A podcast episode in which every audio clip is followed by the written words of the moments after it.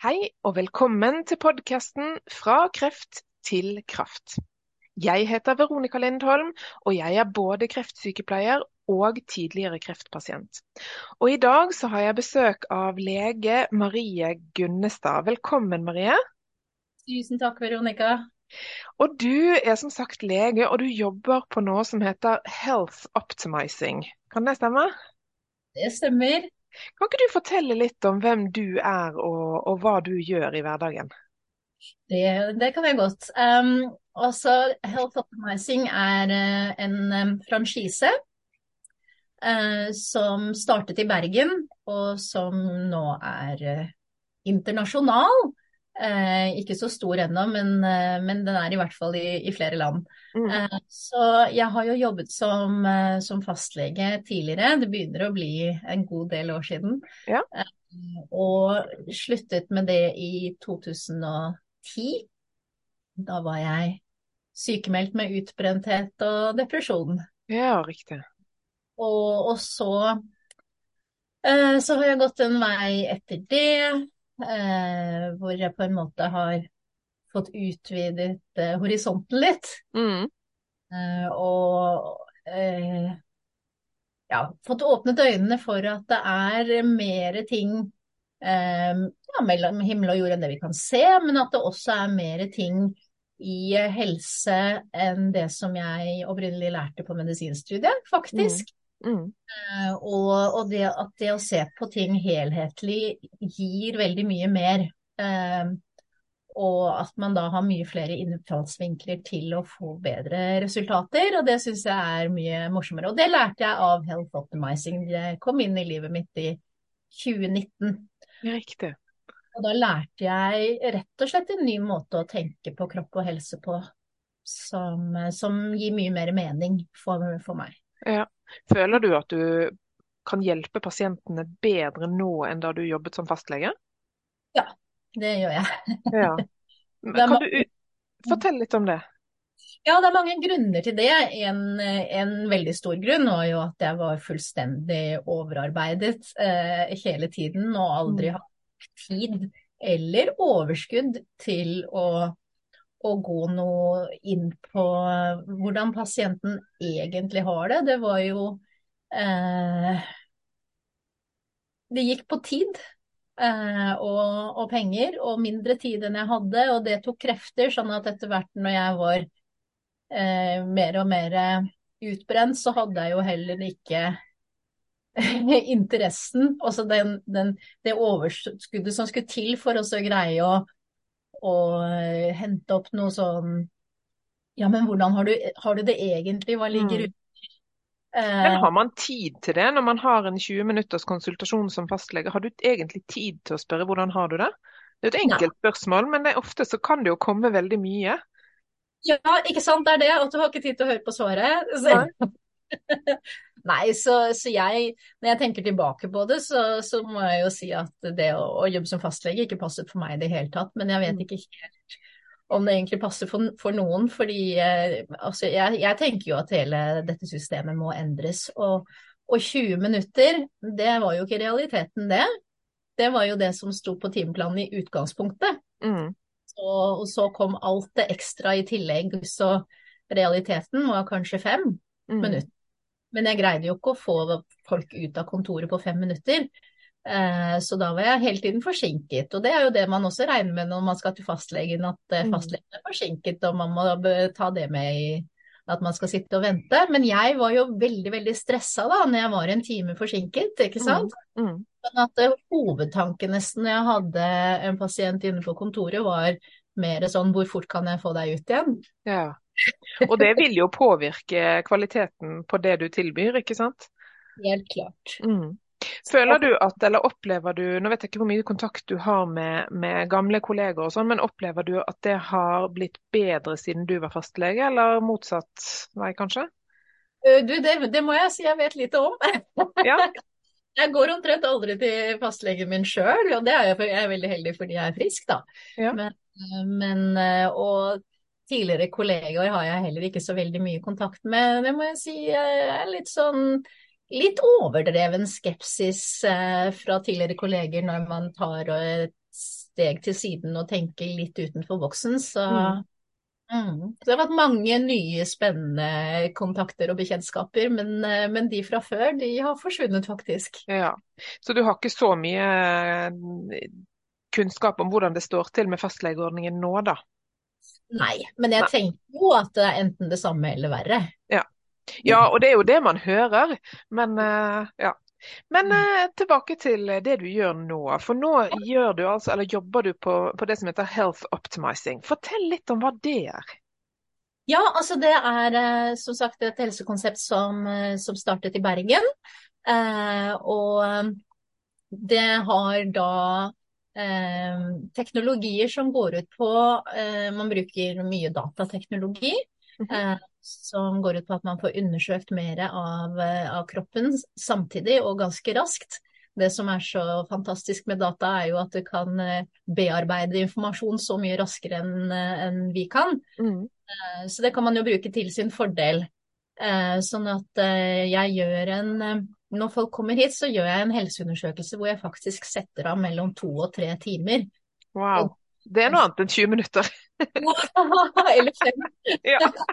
Det er så utrolig givende, og, og, og fordi folk har så behov for å fortelle historien sin og bli sett og hørt. Mm. Eh, og, og ikke bare det, men så, så bruker jeg denne teknologien hvor jeg da får, får en, en oversikt over hvordan det står til med kroppen eh, akkurat her og akkurat nå. Hvordan, hvor kroppen fordeler kapasiteten sin, hva den prioriterer å jobbe med. eh, og, og hvor den trenger litt hjelp for å komme tilbake i balanse. Mm. Eh, også den nye måten å tenke på, altså jeg sier ny i gåseøyne fordi at dette her er jo en eldgammel måte å tenke på, men for meg var det nytt, for det var ikke det jeg lærte på medisinstudiet. Nei. Det er jo det å ha som utgangspunkt at kroppen din vil være frisk. Og den gjør alltid det som den mener er nødvendig for å, for å holde deg frisk, Mm. eller opp i de ubalansene som, som gjør deg ufrisk. Sånn at, eh, at det handler om å finne ut den underliggende årsaken. Altså hvorfor bestemte kroppen seg for å gjøre det den gjorde? Mm. Se hvorfor den gjorde det, da har man den underliggende årsaken. Det er, ikke, det er som regel ikke bare én, da. Mm. Men, men, men de par tingene som, som det er. Og hvis man da gjør noe med det, så trengs ikke den reguleringen som kroppen gjorde lenger, og da Mm. vil den forsvinne. Det er utrolig spennende. Hva sier du? Det er utrolig spennende. Ja, det kan Eh, et sånt eksempel som jeg syns pleier også Ja. å illustrere det ganske bra. Fordi det som er veldig kjent for mange, er jo dette med høyt blodtrykk. Ja. Um, og det er jo noe som legemiddelindustrien mm, tjener veldig mye penger på, fordi det er veldig mange forskjellige typer medisiner mm. uh, som senker blodtrykket. Og da jeg studerte medisin, så lærte jeg jo det at uh, høyt blodtrykk er eh, rødt flagg og obs, obs, fordi det kan føre til hjerte-karsykdom. Mm. Så, så det må man senke med tabletter. Mm. Eh, mens når man ser på det på den andre, med den nye måten, så, så som jeg nå syns henger mye mer på greip, så blir det jo sånn Hvorfor Ja. har kroppen bestemt at den trenger høyere blodtrykk? Mm. Hjertet sin hovedfunksjon er å forsyne cellene i vevet med næringsstoffer og oksygen. Så hvis det av forskjellige årsaker kommer for lite næringsstoffer og oksygen fram til vevet og fram til cellene, så må kroppen gjøre mottiltak for det, Mm. for det er livsviktig. Mm. Så hvis en årsak til at det kommer for lite, for lite fram, er at eh, rørene, da, som man kan si om blodårene, har blitt trangere, så er jo en måte å få samme mengde gjennom rør, trangere rør på, er å øke trykket. Selvfølgelig. Det, altså, og det høres jo veldig logisk ut når du sier det. Og så strider du jo imot Det strider jo egentlig ikke imot, men det, det er bare en annen måte å se det på. En veldig annen måte å se det på enn det man lærer som, også som sykepleier og som, som lege, da. Sånn Men- at man da i stedet da gir medisiner for å senke det blodtrykket, så har man ikke ett problem lenger, men man har tre. Ja. Pluss fordi da har man den underliggende årsaken som man ikke vet hva er. Altså hvorfor er årene blitt trangere? Den, den er der fortsatt. Mm. Så de kan fortsette å bli trangere, de da. Ikke sant? Og så har man for lavt blodtrykk i forhold til hva cellene i vevet egentlig trenger, fordi du Mhm. har med kunstig. Og så har du bivirkningen av tablettene, for det er alltid bivirkninger av tablettene, og det er egentlig ikke bare én. Mm. Så, så for meg så er dette en mye mer eh, logisk måte, altså en, en måte å tenke på som henger mye mer på greip, da. Jeg, mitt mål er jo på mange måter å bygge bro mellom skolemedisin og alternativ behandling. Og, og dette med helhetlig helse, det, det opptar meg veldig. Og det du beskriver, det er jo et helhetlig syn på en problemstilling pasienten kommer med. Og da, hvordan, hvordan møter du en sånn problemstilling nå kontra tidligere? Da var du kanskje skrevet ut noen tabletter og hev pasienten ut av kontoret? Ja, det det jeg gjorde. Ja, sant. Og så, og så var det jo gjerne sånn, ja, kom tilbake om tre måneder, da, så kan vi måle blodtrykket og se om det har blitt lavere. Og hvis blodtrykket var lavere, så er jeg fornøyd. Ikke sant? Og så har det egentlig ikke løst den, det underliggende problemet. Kanskje. Nei. Men da har jeg et spørsmål. Fordi um, du sier at uh, kroppen Altså du stiller deg spørsmålet hvorfor har kroppen valgt å bli syk? Um, Veldig ofte så får veldig mange kreftpasienter beskjed om at det er tilfeldig. Vi vet jo at det er noen faktorer som spiller inn i forhold til utvikling av kreft. Men jeg, jeg, har jo vært hos deg, og da jeg kom, så, eller da jeg ble syk, så var jeg 39 år og levde et relativt sunt liv. Så jeg fikk jo beskjed om at det var tilfeldig at jeg fikk kreft. Og det er det veldig mange pasienter som får beskjed om. Tenker du at det er tilfeldig? Nei. Men jeg, altså jeg har jo et sånn helhetlig syn på, på at alt, alt, som skjer, at ingenting er tilfeldig. Um, men, men altså, når du, når du, sier at du får beskjed om at det er tilfeldig, da er det kanskje genlotteriet som Noe sånt, ja. er der, da. Ikke sant? Og det er klart at jeg kan ikke si at ikke gener spiller inn, men, men det er én medvirkende årsak. Og hvis du har Eh, har vært uheldig i genlotteriet og har en større risiko for å få kreft, så kan du gjøre masse mottiltak. Ja. Eh, for det er ikke bare det som spiller inn. Eh, og, og, livsstil og hvordan vi behandler kroppen vår har, er kanskje 80% og så er genene 20 Så du kan ha det genet der uten at det trenger å slå ut i det hele tatt, hvis du behandler kroppen din bra. Ja. Kan Eh, psykiske faktorer også spille inn, tenker du, i utviklingen av kreft? Det tenker jeg helt klart. ja. For det er det jeg har tenkt selv i forhold til min kreft. Um, men det er det jo ingen leger som vil sette ord på. Og det har egentlig vært ganske utfordrende å kjenne så tydelig selv at det kanskje har vært årsaken til min kreft, men ingen vil anerkjenne det. Men det syns jeg er litt rart å høre. Er det virkelig sant at ingen leger vil si det? Det var én lege som En indisk lege hvor jeg sa det på et tidspunkt. Og jeg har sagt det til mange. Og han bare nikket. Han svarte ikke, men han bare anerkjente ved å nikke. Men mer ville han ikke, ville han ikke si. Så ja, nei, det er jo dette her med å, altså, at det er en psykosomatisk sammenheng, altså sammenheng mm. mellom kropp og sinn. Mm. Det er jo ikke noe tvil om det. Det Men anerkjenner man kun det hvis eh, si man har en psykisk sykdom og så utvikler eh, dårlig helse pga. det? Er det da man kan si at det henger sammen?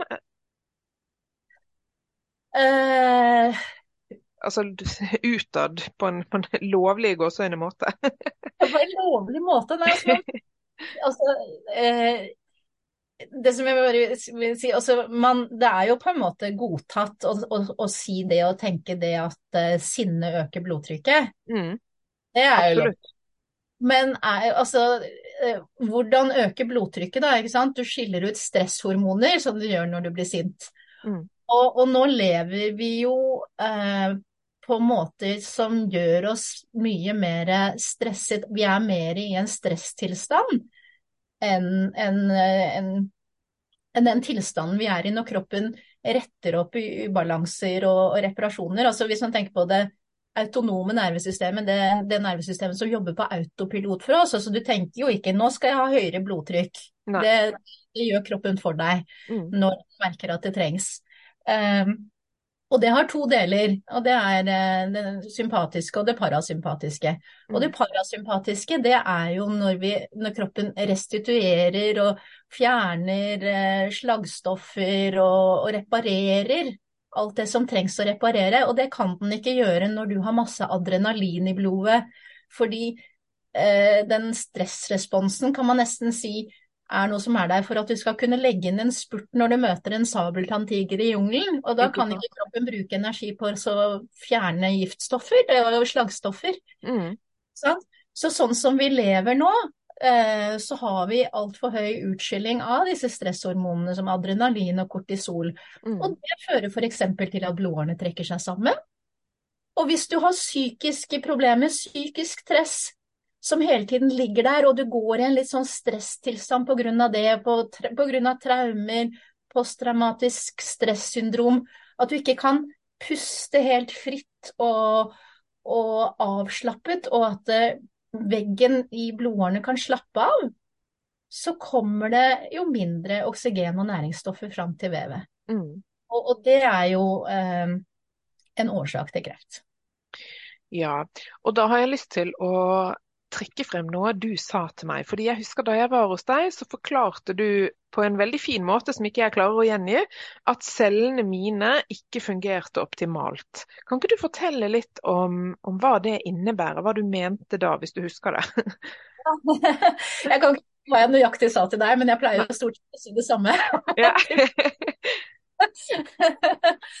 Eh, altså det, det, det, bygger jo videre på den eh, tanken som jeg sa i stad, om at, eh, at, kroppen eh, den vil jo være frisk.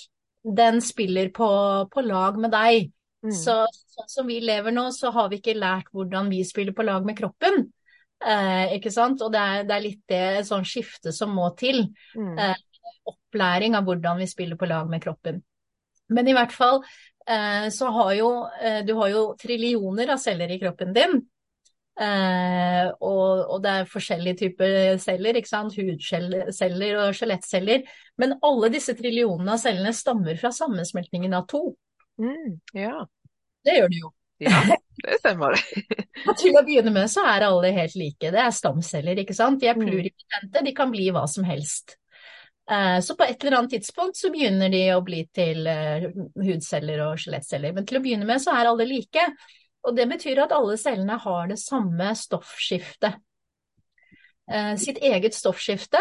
Eh, og det, betyr, det, går ut på at de produserer den energien de trenger selv eh, til å eh, rette opp i ubalanser, holde ubalanser i sjakk. Eh, og, og, stort sett også gjøre en god jobb for deg for å holde deg frisk. Da. Mm. Eh, og, og Inne i cellene så har vi mange organeller. En, en av de som er ganske kjent, er mitokondrene. Mm. Og mitokondrene blir jo det sett, blir sett på som cellenes uh, energifabrikk.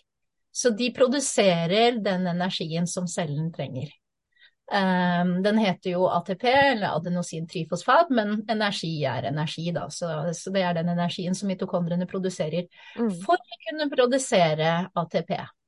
Det er en kjempekomplisert eh, kjemisk prosess eh, som heter eh, sitratsyklusen eller krepssyklusen. Ja. Som jeg måtte kunne når jeg skulle opp i, til eksamen, men ikke nå lenger. Det kan ikke jeg heller, for å si det sånn. det er ikke noe viktig å kunne det, tenker jeg da. Men, men i hvert fall så veldig sånn enkelt forklart så, så trenger cellene oksygen det får de fra lufta. Og så trenger de næringsstoffer, det får de fra det vi spiser. Og så trenger de en elektrisk spenning, og den elektriske spenningen bygger de opp selv fordi de har utveksling av elektrolytter mellom innsiden og utsiden av celleveggen hele tiden. Og det skaper en spenning i celleveggen, og den kan mitokondrene da utnytte når de skal produsere energi. Sånn at, eh, at når cellene ikke greier å produsere nok energi, så eh, er det noe med en av de tre tilgangene der på oksygen eller næringsstoffer eller elektrisitet, eller begge deler. Mm. Um, og det er også sånn som vi da uh, jobber med teknologier her. Eh, men også med, med, livsstilsråd, selvfølgelig også. At, eh, at det er eh, viktig med hvilke næringsstoffer man eh, spiser for å få For å hjelpe cellene å jobbe mest effektivt med å produsere energi. Men, men, så har vi tatt teknologier her som, som kan påvirke spenningen i celleveggen. Og f.eks. den ut, utvekslingen av elektrolytter, sånn at eh, mitokondrene får en push da, til å produsere mer energi. Altså, dette her er så utrolig spennende, og jeg kjenner med altså nesten så jeg har gåsehud, for jeg føler at det resonnerer 110% med meg. Eh, og det var jo egentlig det du sa til meg òg. Og så har jo ikke jeg greid å, å, gjøre noe med det. Jeg har ikke gått og fått behandling hos deg, men jeg er veldig nysgjerrig på hva, hva tilbyr du de pasientene som, som, kanskje kommer med en sånn problemstilling, at cellene ikke produserer nok energi, og at de er eh, på den ene eller den andre måten eh, påvirket negativt? Mm. Um, da ser vi jo først på hvordan hvordan kroppen også prioriterer den energien. Fordi f.eks. For hvis du har magekatarr, så vil jo eh, kroppen eh, prioritere å sende masse blod ditt midlertidig, sånn at du får økt eh, energiproduksjon i magesekken, og da nærme mindre andre steder. Mm. Det er gjerne da midlertidig, ikke sant. Og så når den har greid å rette opp i det, så går det tilbake til, til balanse igjen. Mm. Eh, Sånn at det som, som, den undersøkelsen som vi gjør kan vise til en viss grad, er hvor, hvor pro, prioriterer kroppen å produsere mest energi. Mm. Um, og, og, da, eh, sånn som det var på, på deg, så var det lite. Mm. Og det tenker jo jeg en sannsynlig årsak kan være at du hadde gått gjennom cellegift. Mm. Det... Og det hadde jeg jo bare noen måneder før jeg var hos deg, så det kan jo ha en, en påvirkning. Og samtidig så tenker jeg at eh, måten jeg oppfatter det på, så har nok dette ikke vært kun da jeg var hos deg. Um, og det jeg også lurer litt på i forbindelse med dette, hva skjer egentlig når cellene produserer for lite energi? Er det en årsak til at man kan utvikle betennelsestilstander i kroppen òg? Eh, ja, absolutt. Eh, men jeg tenker jo at betennelsestilstander mest, mest, sannsynlig er en årsak til at man produserer for lite energi. Ah, så det er motsatt? Sånn fordi at vi, når vi har en betennelsestilstand, sånn som jeg nevnte med, med en gastritt f.eks. i stad, mm. Eh, så, så eh, prioriterer jo kroppen masse energi for å rette opp i det. Mm. Men, men, hvis den ubalansen er så stor at, at den ikke greier det, ikke sant? At den, at den uh, bruker masse kapasitet på det, mm. og allikevel så kommer den ikke i mål. Uh, det kan man jo kalle akuttfasen, når mm. kroppen uh, jobber med noe. Mm. men så ser den at dette nytter ikke, jeg kan ikke fortsette å, å, prioritere magesekken så mye, for da kommer det ikke nok til hjerte og lever, ikke sant. Så da mm. går den tilbake til å fordele litt mindre til magen, litt mindre til hjertet og litt mindre til leveren. Og, og, hvis dette her går ikke sant, Som regel så, så, oppstår jo ikke sykdommer fra den ene dagen til den andre. Det er ting som utvikler seg langsomt, langsomt, langsomt over lang tid. Så, så det, det, som jeg forklarte nå, hvis det går langsomt over lang tid, og, og, cellene også har gått gjennom en fase hvor de har stått på og produsert masse, så brenner de til slutt ut og mm. greier ikke, og da begynner de å produsere mindre. Mm. Så også da den prioriteringen at, eh, at, de ikke Og det er da ting blir kronisk. At de ikke setter inn eh, energi på å prøve å rette opp i ting, men har en ny eh, status som den ser på som den nye normaltilstanden. Mm. Kan det igjen da f.eks. gi Nå nevnte du gastritt eller magekatarr. Eh, kan det f.eks. gi i lenger frem i tid en, en utvikling av andre betennelser i kroppen, f.eks. en artrose eller sånne ting? Absolutt, jeg tenker at sånne mm. ting henger sammen. Fordi ja. altså, eh, når kroppen er, eh, er, frisk og i balanse, eh, så har den egentlig kapasitet til å, å rette opp i sånne småting før det går for langt. Mm. At, at, hvis man har ubalanser som, eh, som, som, går over lang tid. Eh, og kroppen må på en måte bruke den kapasiteten den har på å holde det i sjakk. eh, så har den ikke kapasitet til å rette opp i de småtingene, akutte tingene som dukker opp her og der. Nei, nei riktig utrolig spennende dette her. Uh, og nå, jeg kjenner at jeg har tusen spørsmål jeg har lyst til å spørre deg. Men jeg har lyst til å høre litt mer om hva kan du gjøre for de som kommer til deg og trenger hjelp. Uh, da har du hatt en sånn to-tre timers uh, helseundersøkelse. Hva pleier du å anbefale pasientene dine? Hvis vi begynner f.eks. med kosthold, for det, der kan man jo gjøre mye selv. Mm. Ja, altså det som er litt sånn problemet med, med, kosthold nå til dags er eh, totalmengden av karbohydrater. Hvis De fleste av oss spiser for mye karbohydrater. Mm. Eh, sånn at, eh, at en ting som denne undersøkelsen kan vise, er om man har insulinresistens. Eh, og jeg kan jo forklare sånn kort hva insulinresistens er. Veldig gjerne, ja. Fordi at når vi spiser, så øker blodsukkeret. Eh, men det er klart at det øker mer når vi spiser karbohydrater enn når vi spiser proteiner og fett. Mm. Og så spiser, altså karbohydrater er jo også en stor gruppe. Den øker jo mye mer når vi spiser godteri enn når vi spiser grovbrød. Mm. Begge de to er, grønne, er um, karbohydrater, og grønnsaker også, faktisk. Ja. Ikke sant? Men, uh, så det går ikke an å, å ha som mål å spise null karbohydrater, det går ikke an. Og så er det vel noe med at kroppen også produserer noe karbohydrater selv òg, og det er vel kritikken mot uh, mange som ønsker å kutte karbohydrater, spesielt i forbindelse med kreft, at man ikke kan kutte det helt fordi at kroppen selv produserer det. Ja, man kan ikke kutte det helt, og derfor så sier jo heller ikke at man skal kutte det helt, og kroppen Nei. trenger det. Ja. Men, men, men, at eh, det, det som vi spiser nå til dags, eller sånn som vi spiser nå, da, eller jeg kan jo bruke som et eksempel hvordan jeg spiste før. Ja. For jeg lærte jo ingenting om kosthold på medisinstudiet. Og da pleier jeg alltid å måtte legge til i Tyskland på begynnelsen av 2000-tallet, fordi at jeg håper at det er bedre nå, men jeg vet ja. jo ikke. det første skal jeg ikke uttale meg om, for det vet jeg ikke nok om. Eh, men, men, da spiste jo jeg Da var jeg alltid kjempesulten om morgenen, så da var det jo brød med pålegg. Mm. Og så hadde jeg jo matpakke med meg på jobb, og det var brød med pålegg. Og så var jeg, når jeg kom hjem, så var jeg jo kjempesulten, så da var det jo middag da, med poteter, ris eller pasta til. Mm.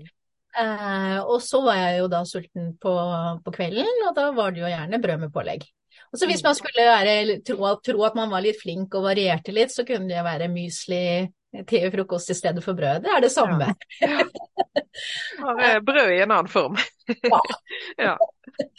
Ikke sant. Og, eh, og, så er det også disse her eh, ferdigproduktene, eh, ikke sant. At eh, altså ferdigprosessert mat, mm. matindustrien, er jo også opptatt av å tjene så mye penger som mulig.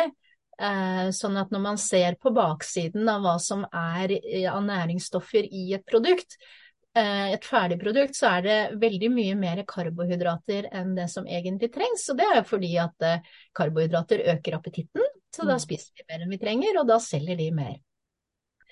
Eh, så, så, i hvert fall Så det, det, var jo sånn jeg da spiste før. Og da kunne jeg jo ha dette her med det, det uttrykket 'hangry'. At hvis jeg ikke fikk mat med en gang, så, så raste verden sammen hvis jeg kjente meg sulten. Ja. Eh, så, så, og det, det, er totalmengden, ikke sant. Eh, det som jeg fortalte nå, da, ikke sant, så hadde jeg jo da karbohydrater fire måltider hver eneste dag i over 40 år. Og så har du fredagskosen og lørdagskosen og juleferie, påskeferie, sommerferie. Og da tenker jeg, hvis du har bare holdt deg til ferier og lørdag og fredag og lørdag, så tror jeg du er flink i forhold til mange nordmenn. Ja, og jeg gjorde jo ikke det. Det var jo det også jeg skulle til, at, fram til. At når man spiser mye karbohydrater, så blir man sugen på mer karbohydrater. Sånn at på kvelden så både jeg og mannen min, vi ble jo da frysende, ikke sant. Nå gidder jeg å stikke bort på butikken, kjøpe noe potetgull eller noe sjokolade, ikke sant. Det er fysen. Klassisk. ikke sant. Så, så um, så det var sånn jeg spiste når jeg var helt ubevisst. For ikke å snakke om hva jeg drakk for noe. Jeg jo, trodde det var sunt å drikke juice. Mm. Ikke sant? Eh, og hvis man da skulle skeie ut litt, så var det jo gjerne brus med aspartam. Mm. Eh, ja. Så, så, så, det er um, det blir for mye karbohydrater over tid. Og nå kom jeg på at det var jo egentlig insulinresistensen. Men det er jo veldig spennende, for jeg tror at det du beskriver er et veldig klassisk kosthold for veldig mange nordmenn. Og hvis, hvis det du sier stemmer, så, så, er det jo kanskje ikke tilfeldig at man blir syk. Nei. For dette påvirker jo. Ikke sant? Fordi eh, da med den insulinresistensen, da. Også når vi da spiser og blodsukkeret går opp, så skiller, skiller bukspyttkjertelen ut eh, hormonet insulin. Og insulin er et hormon som er eh, nesten som en eh, Altså du har insulinreseptorer i veggen på alle cellene, og så da kommer insulin og binder seg til denne reseptoren. Det er som å sette en nøkkel i en dør som gjør at cellen da åpner seg og tar opp det sukkeret.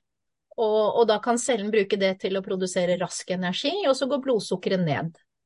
Men når vi spiser så mye karbohydrater, så fører det til at bukspyttkjertelen skiller ut så mye insulin over så lang tid at jeg pleier å bruke det bildet at det er som om de insulinreseptorene blir bombardert med insulin mm. så lenge og så over, over så lang tid at de blir skadet. Sånn at du får ikke den bindingen av insulin til insulinreseptorene like effektivt. Det heter insulinresistens. Og det som skjer da, er at eh, vi spiser, og blodsukkeret går opp, bukspyttkjertelen skiller ut insulin, men det binder seg ikke ordentlig til reseptorene, som gjør at cellen ikke åpner opp den døra. Så da går ikke blodsukkeret ned. Nei. Og som en reaksjon på det, så skiller bukspyttkjertelen ut mer insulin. Og mer insulin og mer insulin og mer insulin og mer insulin og mer insulin. Og da blir man gående med en kombinasjon av mye sukker og mye insulin utenfor cellene. Og hva, det, hvordan påvirker det kroppen? Ja, Det er inflammatorisk. Altså Da går man med en sånn konstant lavgradig betennelse i hele kroppen, som kroppen må bruke masse energi på å holde i sjakk. Eh, og så går det også bare over en viss tid. Bukspyttkjertelen står jo da og overproduserer insulin og er kjempeflink til det i en viss tid. Men så blir den sliten og begynner å brenne ut, og greier ikke å produsere like mye insulin lenger, begynner å produsere mindre og mindre insulin. Mm. Og da begynner man å gå i retning av diabetes type 2. Mm. Eh, men dette her går langsomt over lang tid. Og man eh, merker det kanskje ikke heller? Nei, også i hvert fall så er ikke symptomene på det noe kjent, da. Det blir jo sånne diffuse ting som at man eh, er trøtt og sliten og litt sånn brain fog og eh, og dette her å være fysen, cravings, det er et symptom på insulinresistens. Mm. Så at man begynner å, å, legge på seg lettere, det blir vanskeligere å gå ned i vekt, og særlig da rundt midjen, faktisk. Mm. Riktig. Og møter du mange pasienter som har en begynnende eller en fullstendig insulinresistens? Ja, det er veldig veldig vanlig. Det er mer uvanlig. Det er litt sånn hvis det kommer noen som ikke har det, så er det sånn kryss i taket. Wow. Og hvis man da endrer kostholdet til å spise mindre karbohydrater, kan det da reverseres? Ja, ja, helt klart. Eh, kroppen er fantastisk til å rette opp i, i de skadene som, som, har kommet. Sånn at hvis du har fått insulinresistens av å spise feil i 40 år, så tar det jo ikke 40 år for kroppen å rette opp i det hvis du slutter, å, eller hvis du begynner å spise mindre karbohydrater. Eh, men det tar litt tid. Det kan mm. kanskje ta sånn mellom 6 eh, og 12 måneder. Det er en litt sånn, litt sånn kjedelig prosess, og litt sånn Det tar tid før man ser ja, sånne resultater med at man kan begynne å føle seg mer opplagt og tenke klarere og sånn, det kan komme ganske raskt i løpet av én til to uker, kanskje. Mm. Men, men det også, også snu den insulinresistensen sånn at det er synlig på målinger, kan ta over seks måneder, og da kan man jo bli litt irritert. ja, men, men, bare sånn at jeg har forstått det riktig. Så hvis man spiser feil i gåseøynene over veldig lang tid, så kan man da utvikle en langsom insulinresistens? Som igjen gir kroniske betennelsestilstander i kroppen, som igjen kan gi alvorlig sykdom. Var det noenlunde riktig? Ja, det var det. Ja. Mm. Og det er jo ganske skremmende. Og jeg, jeg kjenner igjen, så får jeg jo helt gåsehud der, for jeg føler at dette, dette gjelder meg veldig sterkt. Og, da, og jeg er nok ikke så unik. Jeg tenker at dette gjelder veldig mange. Mm. Um, men OK, så kommer man til deg og får litt kostholdsråd og kostholdsveiledning, kanskje. Hva annet kan du gjøre og tilby? Uh, vi ser, ser, jo da f.eks. Uh, hvor i kroppen uh, det er lite energiproduksjon. Mm. Og så har vi da teknologier som vi kan bruke til å, å øke energiproduksjonen. Enten på hele kroppen med f.eks. en sånn matte som jeg husker jeg anbefalte til deg. Hva heter den matten? Den heter Health Optimizing Cell Regulation. Den har en egen nettside som heter cellregulation.com, så det kan man lese om den. Men, men, det den gjør sånn veldig kort fortalt, er å, å lage et magnetfelt rundt kroppen. Mm -hmm. Og siden magnet har ladning, så påvirker det ting med ladning, sånn at den påvirker elektrolytter. Elektrolytter er jo molekyler med ladning. Mm. Den øker den utvekslingen av elektrolytter over celleveggen. Sånn hele, I hele kroppen? Ja. Mm. Og så har vi andre teknologier som, som kan øke den spenningen i celleveggen. og de, den, Det er jo en teknologi som, som, heter Papimi. Den kan man lese om på papimi.com. Eh, den eh, øker da den spenningen i celleveggen lokalt. Hvis den er for lav, det, det viser også den undersøkelsen som, eh, som jeg gjør. Eh, eller hvis den er for høy. fordi at Hvis mm. den er for høy, så er det fordi kroppen er i ferd med å prøve å jobbe med noe. Og da kan vi hjelpe på det med å også eh, øke på den. Eh, sånn at, at Er det også en type matte, eller denne papimi-behandlingen? Nei, nei, det er ikke en matte. Den Eller ja, det fins en matte som, nå som man kan kjøpe til den, så det er noe jeg sparer til. Men jeg har ikke det ennå. Den har en sånn lokalsonde som som er kanskje dekker et område som er så stort som en teppebanker. Okay. Mm, så, så, den kan man da um, Eh, bruke lokalt, og så kan man eh, altså, Tester under utvikling av den har vist at uh, cellene tar imot effekten i sånn ca. ni minutter, og så flater effekten ut, sånn at den, den, stopper etter ni minutter, og så kan vi flytte den til et område rett ved siden av. Mm. Eh, så når man da øker den spenningen i celleveggen, så blir det bedre vilkår for utveksling av elektrolytter. Sånn at de to som sa nå, de går litt sånn, eh, sånn hånd i hånd. Mm. Okay. Mm. Dette høres jo eh, litt sånn hokus pokus-aktig ut. Og jeg husker at da, jeg var hos deg, så satt jeg med føttene på en sånn metallplateaktig, og så målte den egentlig masse rart i kroppen min. Jeg hadde vel hendene kanskje også på noe? Ja. Det stemmer? Eh, så, så ut ifra mål, disse målingene, så kan du da egentlig se hvor i kroppen det er ubalanser. Og ja. dermed anbefale forskjellige ting. Ja. Mm -hmm. ja. Så, så, den uh, tre timers helseundersøkelsen er jo ikke bare en undersøkelse, men også da jeg lager en rapport, en tilstandsrapport over hva som foregår i kroppen, og en behandlingsplan. At den behandlingsplanen blir laget helt individuelt ut ifra hva den undersøkelsen viser. Da. Mm. Ja, dette er eh, fantastisk. Um, skal vi se, jeg hadde et par spørsmål til. Du sa at det startet som en franchise i Bergen. Fins det nå over hele Norge, eller? Eh, regionale klinikker, dvs. Si store klinikker hvor man har eh, alle teknologiene som på en måte kreves i en franchise. Eh, det er i Oslo og i Bergen. Og så er det en i. Göteborg da, som er nærmere enn Oslo enn Bergen, faktisk. Ja. Eh, men så har man da lok lokale klinikker, altså mindre klinikker eh, imellom. Eh, som ikke har alle teknologiene. Da er jo den undersøkelsesteknologien obligatorisk, og noen av behandlingsteknologiene. Mm. Hvor de kan også gjøre ganske mye, og så kan de henvise til de regionale klinikkene hvis de ser at det er behov for noe av det som de ikke har. Mm. Så lokale klinikker er det også en god del av imellom, men det er klart at eh, det er et ønske og et mål å få flere regionale klinikker. Mm. Mm. Og din klinikk, eller deres klinikk, var jo ganske stor. Er det andre ting dere tilbyr i tillegg til det vi har snakket om nå? Uh, ja, skal vi se. Altså, jo da, vi har jo noen flere, flere behandlingsmetoder og, og undersøkelsesmetoder enn en det jeg har snakket om nå. Uh, blant annet en, en undersøkelse som, som, jeg virkelig syns er helt fantastisk for å måle hvordan det er med magesyreproduksjon, som har så mm. mye å si for fordøyelsen. Og det er så mange som har problemer med fordøyelsen, og det har så mye å si for hele immunforsvaret. Så, så, det er en undersøkelsesmetode vi har. Eh, og så har vi litt flere, litt flere behandlingsmetoder enn det. Mm. Så du kan, når, du har, når, man har vært hos deg, så kan man få et, et bredspektret tilbud om behandling, da? Mm. Nå nevnte du magetarm. Eh, har dere fokus på det, det som heter lekktarm? Eh, fokus på, fokus på. Vi har på den undersøkelsen som jeg gjør, så kan jeg se en indikasjon på om det er lekktarm. Eh, og så kan vi se til en viss grad om det er ubalanse i tarmfloraen. Og så har vi da eh, forskjellige behandlingsmetoder for det. Mm. Eh, Lekktarm er jo kommet veldig opp nå i det siste. Det, for bare ti år siden så hadde jeg aldri hørt om det engang. Um, hva, kan du forklare veldig enkelt, hva er egentlig lekktarm? For det høres jo ekkelt ut. Men, men, det er jo ikke sånn at man får avføring rundt i kroppen? Nei, det gjør man ikke. Det gjør man ikke. Men, men, eh, men tarmsystemet er jo utrolig avansert, og vi har Eh, har, det sies jo at man har flere eh, bakterier i tarmen enn man har celler i kroppen.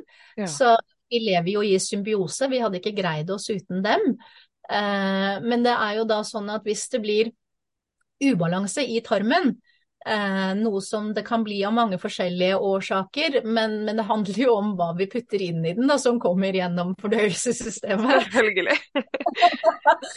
Eh, så, så, tabletter som kan Altså hvis man tar tabletter over lang tid, det skaper kjemiske ubalanser.